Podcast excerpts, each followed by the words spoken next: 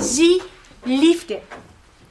Het dubbele liefdesgebod in de tijd van Jezus.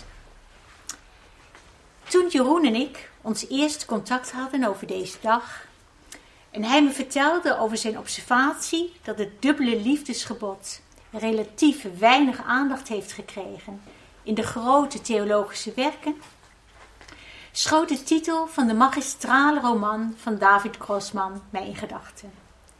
Zie liefde. Een boek dat handelt over waartoe de mens in staat is, zowel in goede als in slechte zin. In het boek is een encyclopedie opgenomen met kernwoorden uit het leven van een van de personages. Het eerste woord uit die encyclopedie is ahava, liefde in het Hebreeuws. En dat werd veelzeggend de titel van het boek als geheel. Vandaag bekijken we ook dit lemma, liefde. En dan specifiek vanuit de optiek van Jezus en zijn tijdgenoten.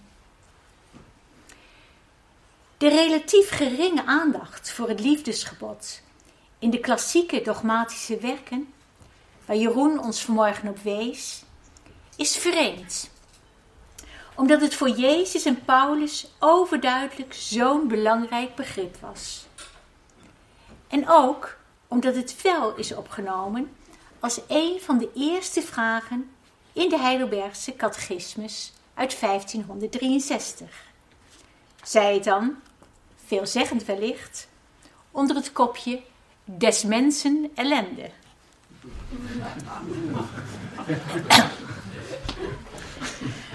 Wat eist de wet Gods van ons? Antwoord: Dat leert ons Christus in een hoofdsom. Matthäus 22, 37 tot 40. Gij zult liefhebben den Heere uw God, met geheel uw hart, en met geheel uw ziel, en met geheel uw verstand, en met geheel uw kracht. Dit is het eerste en het grote gebod. En het tweede aan dit gelijk is, gij zult uw naaste liefhebben als uzelven. Aan deze twee geboden hangt de ganse wet en de profeten. Dezelfde samenvatting die we vinden in Matthäus komt in iets andere vorm ook voor in de andere synoptische evangeliën, namelijk in Marcus en in Lucas. Het hoort dus waarschijnlijk tot de kern van Jezus' leer. Ik ga vanmiddag met u een paar aspecten van Jezus' leer over de liefde tot God en mensen bespreken. En ik doe dat in vier punten. Eerst iets over de achtergrond van vraag en antwoord over het dubbele liefdesgebod. Dan goed doen aan vriend en vijand. Dan wie is de naaste? En tenslotte de gulden regel. Dus eerst de achtergrond van vraag en antwoord over het dubbele liefdesgebod. De inleidende vraag, die leidde tot het antwoord van het dubbele liefdesgebod, kwam uit de mond van een wetgeleerde en luidde: Meester, wat is het grootste gebod in de wet? Jezus staat bij de beantwoording voor een dilemma. Er wordt van hem één grootste gebod gevraagd. Hij weet dat het politiek, theologisch correcte antwoord zou zijn: de totale liefde voor God, zoals geformuleerd in Deuteronomium 6, vers 5. Zelf staat hij daar, zo blijkt uit het vervolg, ook volledig achter. Maar hij wil uitdrukkelijk stellen dat er nog een tweede grootste gebod is. En dat is de liefde voor de mensen. Ik kom daar later op terug. Voor nu wil ik eerst nog iets zeggen over de achtergrond van de vraag. Traditioneel kent het Jodendom 613 geboden, 248 positieve geboden en 365 verboden. Die geboden worden onderverdeeld in lichte en zware geboden. Aanvankelijk betekende die onderverdeling waarschijnlijk gemakkelijke geboden. Dat wil zeggen, geboden die je niet veel moeite kosten om te houden. Of die zelfs leuk zijn om te doen. Zoals bijvoorbeeld het zitten in een loofhut. En moeilijke geboden, dat wil zeggen geboden die tegen je eigen verlangens ingaan. Die je echt iets kosten. Denk daarbij bijvoorbeeld aan het besnijdenisgebod. Gaandeweg veranderde de betekenis in minder belangrijke en zeer belangrijke geboden en werden de zware geboden ook wel grote geboden genoemd. Zoals hier in ons vers in Matthäus. De lichte geboden werden ook wel kleine geboden genoemd. Een voorbeeld daarvan vind je bijvoorbeeld in Matthäus 5, vers 19, waar gesproken wordt over het belang van zelfs de kleinste geboden. In de rabbijnse literatuur is veel discussie over deze onderverdeling in lichte of kleine en zware of grote geboden. De grote hoeveelheid geboden leidde ook tot de behoefte aan samenvattingen. In de Talmud worden verschillende van dat soort samenvattingen gegeven. In elf, zes, drie of twee geboden, of zelfs in één gebod. Een bekend voorbeeld is de samenvatting in drie regels aan de hand van Micha 6, vers 8. Er is jou, mens, gezegd wat goed is. Je weet wat de Heer van je wil. Niets anders dan recht te doen en trouw te betrachten en nederig de weg te gaan van je God. Het woord dat hier in de NBV-vertaling die ik gebruik is vertaald als trouw, is het Hebreeuwse woord gesed. De eerste betekenis van dit woord is volgens de belangrijkste woordenboeken overigens niet trouw, maar meer specifiek solidariteit ten opzichte van de mensen met wie je op de een of andere manier verbonden bent. Dat is dus in feite de naaste liefde. Jezus' antwoord aan de Fariseeën past helemaal in deze traditie van samenvattingen. Hij zegt niet alleen wat de twee belangrijkste geboden zijn, maar ook dat deze twee geboden gelijkwaardig zijn en in feite de hele leer van de Torah samenvatten.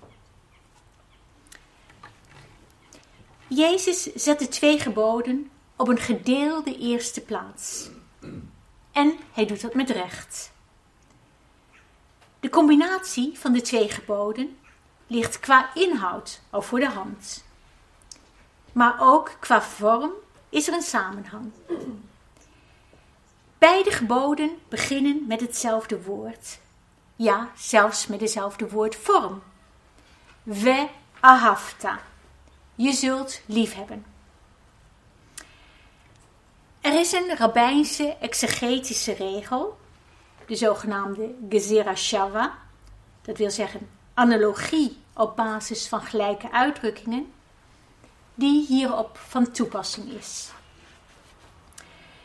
Een gelijke uitdrukking in verschillende Bijbelgedeelten kan bedoeld zijn om de twee gedeelten met elkaar in verband te brengen en ze op elkaar te betrekken. De liefde voor God en de liefde voor de naaste hebben dus volgens deze regel met elkaar te maken. Over het eerste gebod is unanieme overeenstemming in het Jodendom. Deuteronomium 6, vers 5, het Shema, oftewel Hoor Israël, is als tekst opgenomen in de gebedskokertjes en in de kokertjes aan de deurposten. In navolging van het gebod in het vervolg van de tekst, waar staat: Draag ze als een teken om uw arm en als een band op uw voorhoofd. Schrijf ze op de deurposten van uw huis en op de poorten van de stad. Er zijn wel altijd uiteenlopende meningen geweest over de betekenissen van het liefhebben, met respectievelijk het hart de ziel en het verstand. Bijvoorbeeld, in de oudste Aramese vertaling van dit vers staat: met je hele hart, je hele ziel en je hele bezit. En in een andere vertaling staat: met de twee neigingen van je hart, zelfs wanneer hij je ziel wegneemt en met al je geld. In de Talmud wordt het vers als volgt uitgelegd. Als er staat met je hele ziel, waarom staat er dan ook nog met je hele vermogen? En als er staat met je hele vermogen, waarom staat er dan ook nog met je ziel?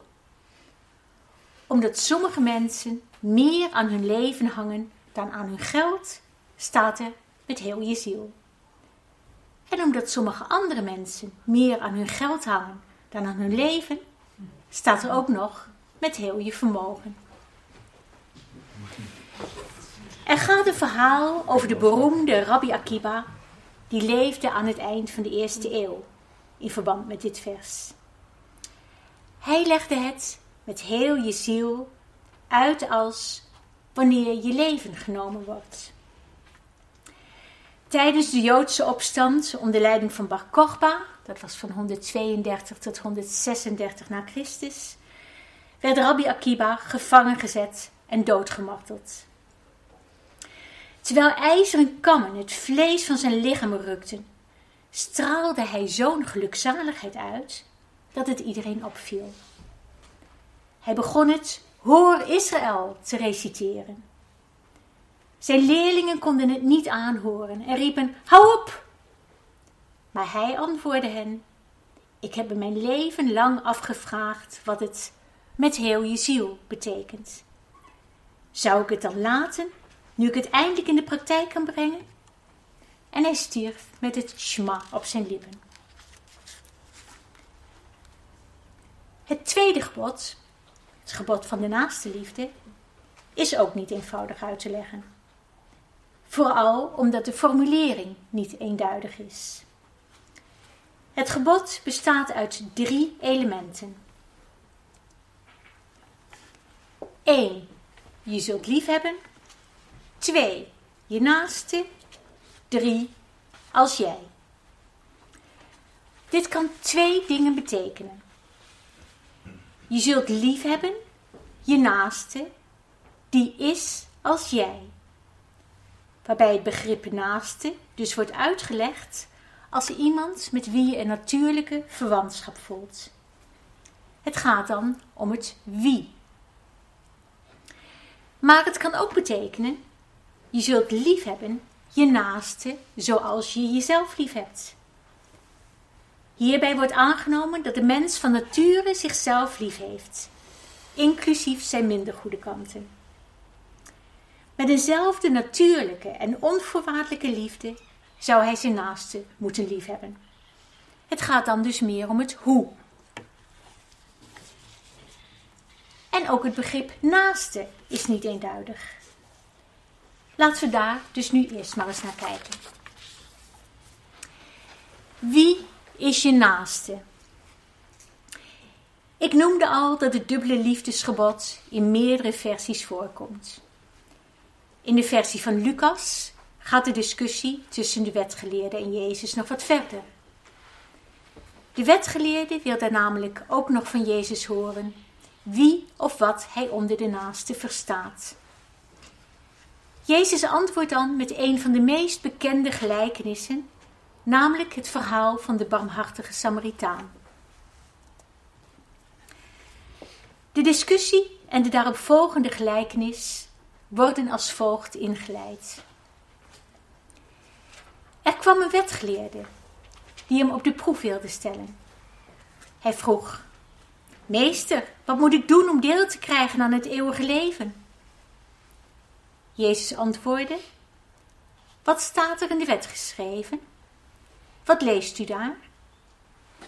De wetgeleerde antwoordde: Heb de Heer uw God lief met heel uw hart en met heel uw ziel en met heel uw verstand en uw naaste als uzelf.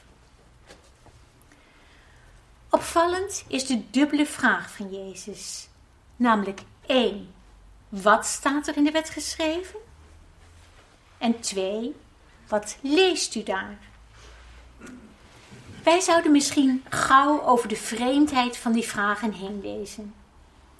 Maar voor de toehoorders in die tijd was de verdubbeling niet gewoon een stijlfiguur, maar een bewuste en betekenisvolle keuze. Om dit te kunnen begrijpen, moeten we eerst wat Hebreeuws bespreken. Het liefdesgebod in het Hebreeuws is We ahavta lerecha.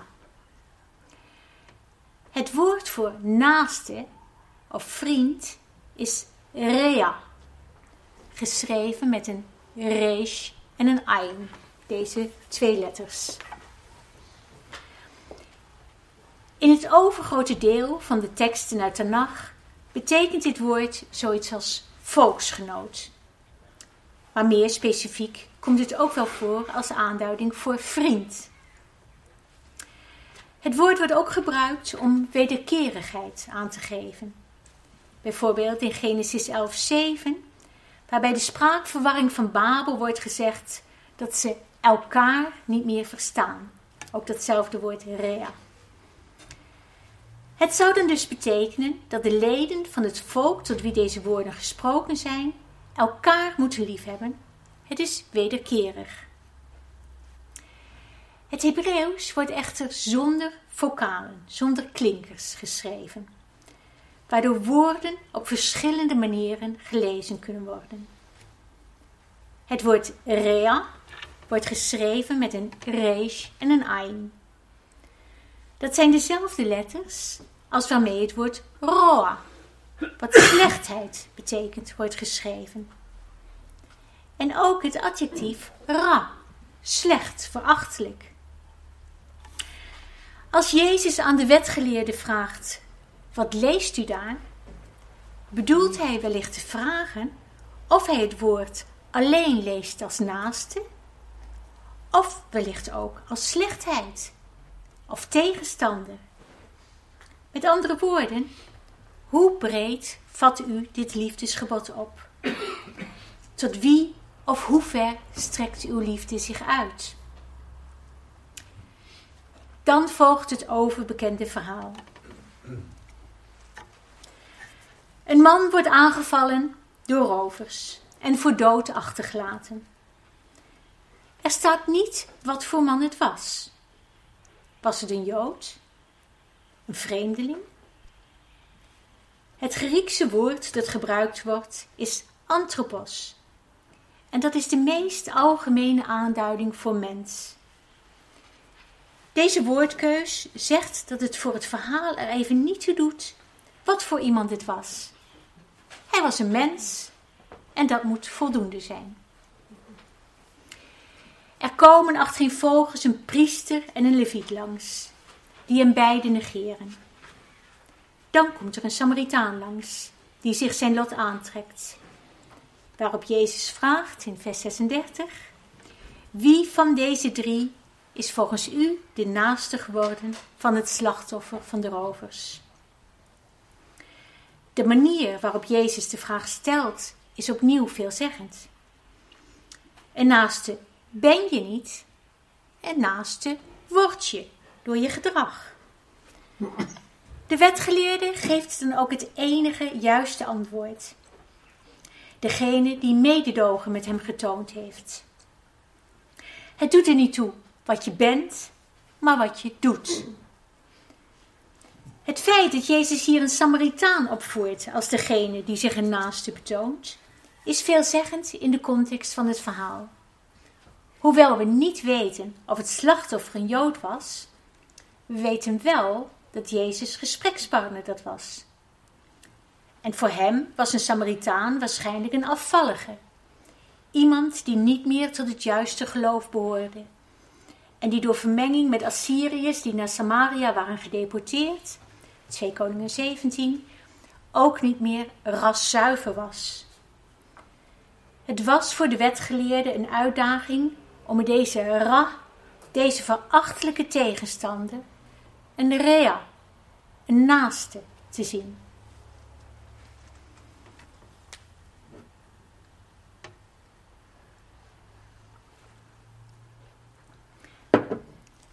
In het eerste deel van mijn verhaal heb ik uitgelegd hoe de woordvorm ve'ahavta, je zult lief hebben, de liefde voor God en voor mensen met elkaar in verband brengt.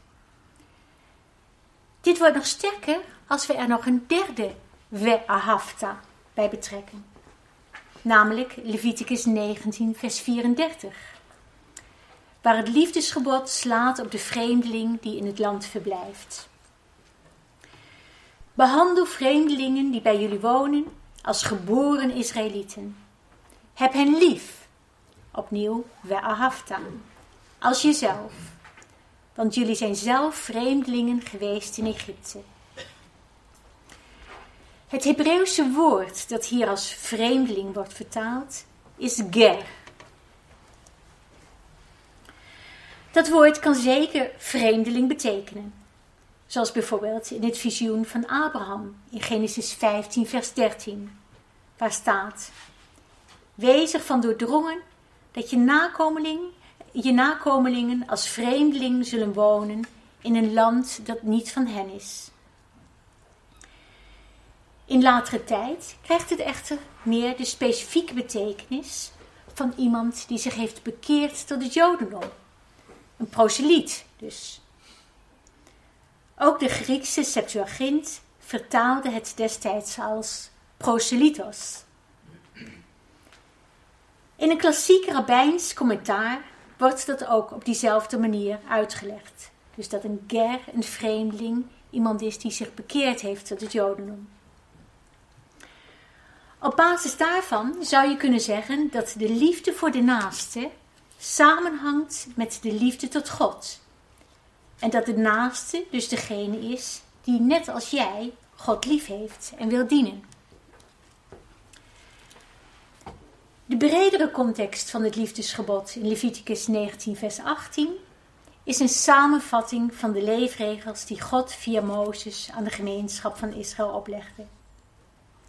De nauwere context is om af te zien van haat en wrok.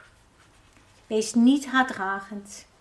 Als je iemand iets te verwijten hebt, roep hem dan ter verantwoording. En laat niet omwille van een ander schuld op je door je te verrekenen of wrok te blijven koesteren. Heb je naaste lief als jezelf. Ik ben de Heer.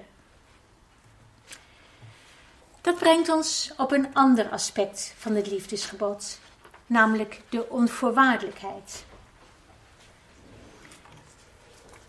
Goed doen aan vriend en vijand. In de bergreden roept Jezus op tot de liefde voor de vijanden. De inleiding daartoe is een beetje vreemd. Hij zegt: Jullie hebben gehoord dat gezegd werd: Je moet je naaste lief hebben en je vijand haten. Het gebod om de naaste lief te hebben kennen we wel uit Leviticus 19, vers 18, waar staat: Heb je naaste lief als jezelf. Dat is het gebod dat Jezus aanhaalt in het gelezen stuk uit Matthäus en dat we zojuist hebben besproken. Er staat echter nergens in de Bijbel dat je je vijanden moet haten. De combinatie haten en vijand komt maar één keer voor in de Bijbel. En dat is in Psalm 139, 21, 22, waar de psalmist uitroept: Zou ik niet haten wie u haten, Heer? Niet verachten wie tegen u opstaan? Ik haat hen zo fel als ik haten kan. Ze zijn mijn vijand geworden. Het gaat daar echter niet om de eigen vijand, maar om de vijand van God. En dat is toch wel wat anders.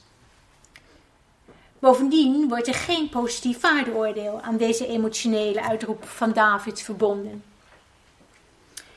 En ook verder is in de Torah en de geschriften geen plaats voor persoonlijke haat.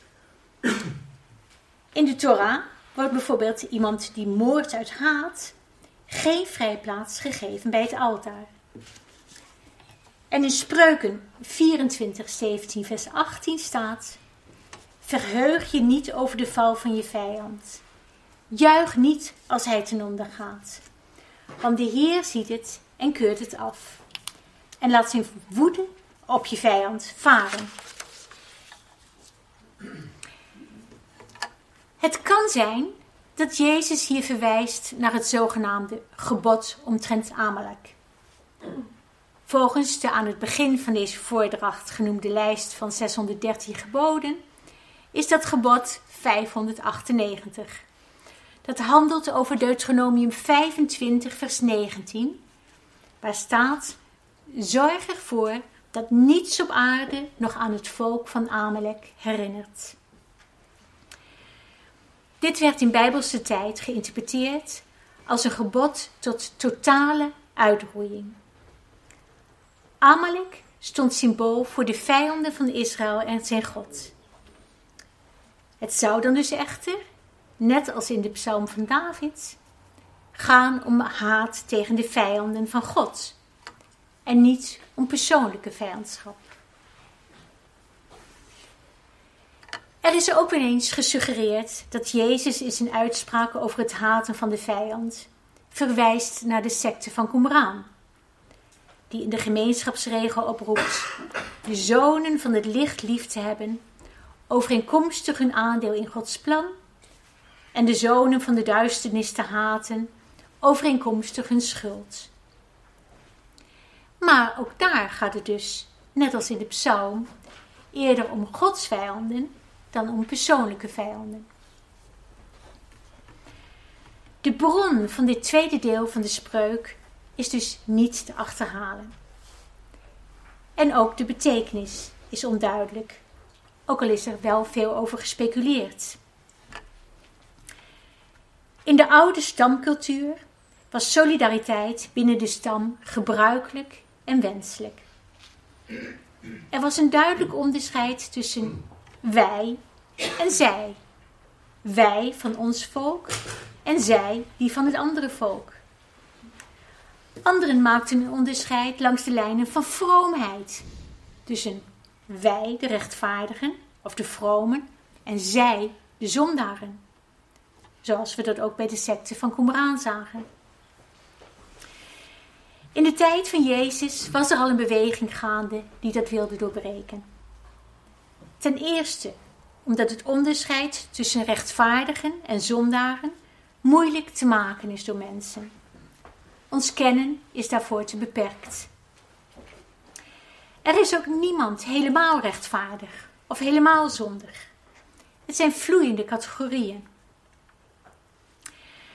Ten tweede, omdat men tot het inzicht was gekomen dat God zelf die categorieën niet zo hanteerde.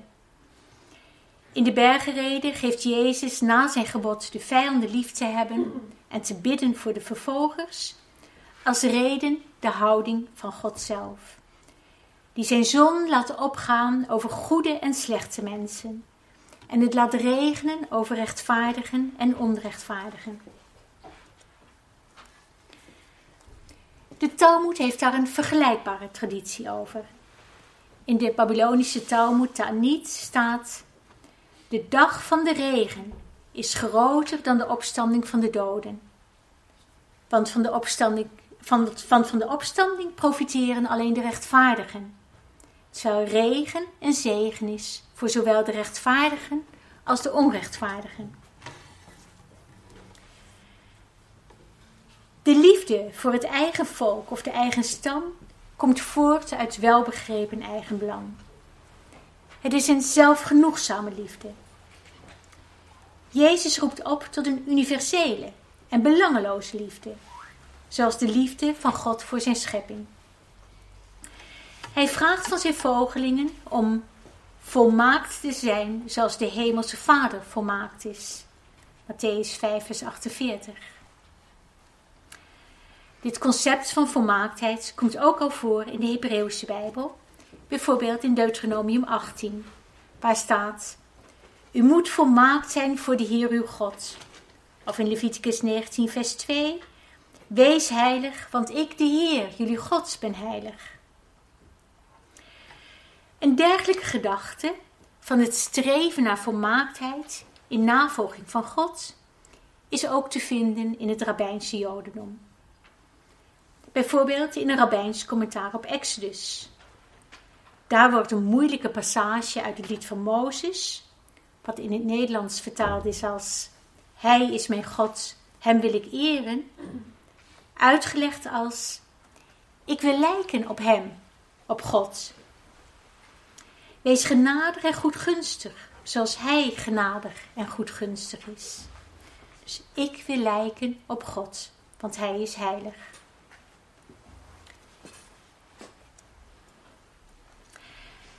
Dan komen we tenslotte aan de invulling van het liefdesgebod aan de mensen.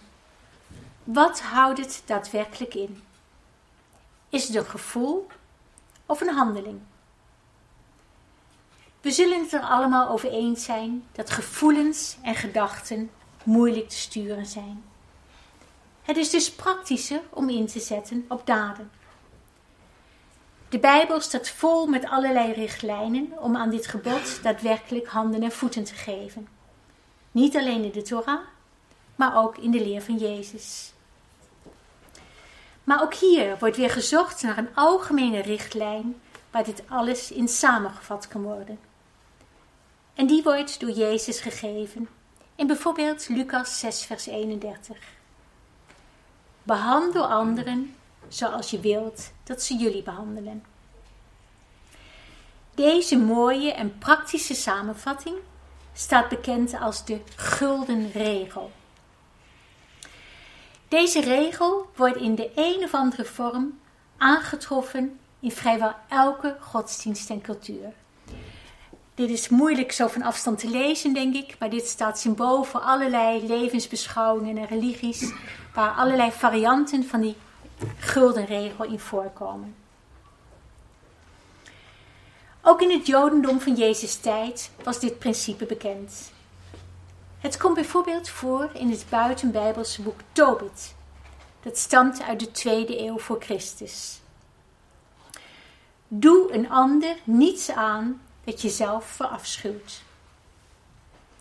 Hier wordt de regel dus op een negatieve of passieve manier geformuleerd, in plaats van de actieve manier waarop Jezus zijn regel formuleert. Dus niet doe voor een ander wat je zelf graag wilt, maar doe niet aan een ander wat je zelf ook niet zou willen dat ze aan jou doen. Dezezelfde formulering is ook bekend van Rabbi Akiba, de beroemde rabbijn die we al eerder tegenkwamen vanmiddag. Zijn tijdgenoot Rabbi Ganina zei daar vervolgens over: Dit is een uitspraak waar de hele wereld aan hangt. In de traditie van Sinai is daarover gezegd: Als je je naaste, wiens daden even slecht zijn als die van jezelf, haat, zal ik, de Heer, je straffen als rechter. Maar als je je naaste, wiens daden even goed zijn als die van jezelf, lief hebt, zal ik, de Heer, je trouw en genadig zijn. Deze uitspraak is een uitwerking van de woorden die voorafgaan aan het gebod tot naastenliefde, waar staat: Wees niet haatdragend. Als je iemand iets te verwijten hebt, roep hem dan ter verantwoording en laat niet omwille van een ander schuld op je door je te verrekenen of wrok te blijven koesteren. En het dubbele noemen hier van als jezelf, even goed als jezelf, even slecht als jezelf, slaat natuurlijk weer terug op dat kamoga als jezelf, wat we aan het begin van deze lezing bespraken. Deze uitspraak van Rabbi Ganina lijkt op de regel van Jezus uit Matthäus 7, vers 1 tot 5, waar hij waarschuwt voor het veroordelen van anderen. Oordeel niet, opdat er niet over jullie geoordeeld wordt. Bij de bespreking over de liefde voor goeden en slechten kwam ook het aspect van oordelen al aan de orde. Hoe zouden wij kunnen beoordelen wie goed is en wie slecht? In Matthäus hoofdstuk 7 gaat Jezus daar nog wat verder op door. Hij opent daar met de beroemde uitspraak: Oordeel niet, opdat er niet over jullie geoordeeld wordt. Want op grond van het oordeel dat je velt, zal er over je geoordeeld worden. En met de maat waarmee je meet, zal jou de maat genomen worden. In vers 12 besluit hij dan met: Behandel anderen dus steeds zoals je zou willen dat ze jullie behandelen. Dat is het hart van de wet en de profeten. Jezus geeft hier dus ook een samenvatting van de wet en de profeten. Zoals we al eerder zagen in het dubbelgebod waar we mee begonnen. Het gebod, heb uw naaste lief als uzelf, kan dus ook gelezen worden als behandel anderen zoals je zelf behandeld wilt worden. In de Talmud staat een bekend verhaal over iemand die zich wilde bekeren. Hij wendde zich tot de strenge Rabbi Shammai en zei: Ik wil me bekeren tot het Jodendom, om de voorwaarde dat u me de Torah kunt uitleggen terwijl ik op één been sta. Shammai joeg hem boos weg. Toen ging hij naar de meer gematigde Hillel en zei: Bekeert u me dan maar. Hillel antwoordde: Wat gij niet wilt dat u geschiet, zo doet dat ook een ander niet. Dat is de hele Torah. De rest is uitwerking en commentaar. Ga studeren. Hillel en Shammai waren oudere tijdgenoten van Jezus. De spreuk was dus waarschijnlijk al in omloop, maar negatief geformuleerd in plaats van positief.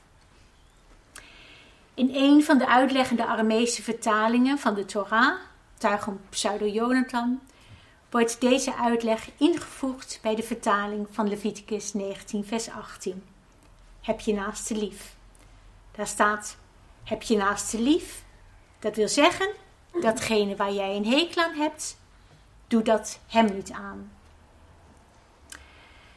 Het vernieuwende van Jezus, niet alleen ten opzichte van zijn eigen Joodse traditie, maar ook vergeleken met alle andere voorkomens van de gulden regel in andere oude culturen, is de positieve formulering. Er is veel nagedacht en geschreven over het mogelijke verschil tussen de oudere, negatieve formulering en de positieve formulering van Jezus.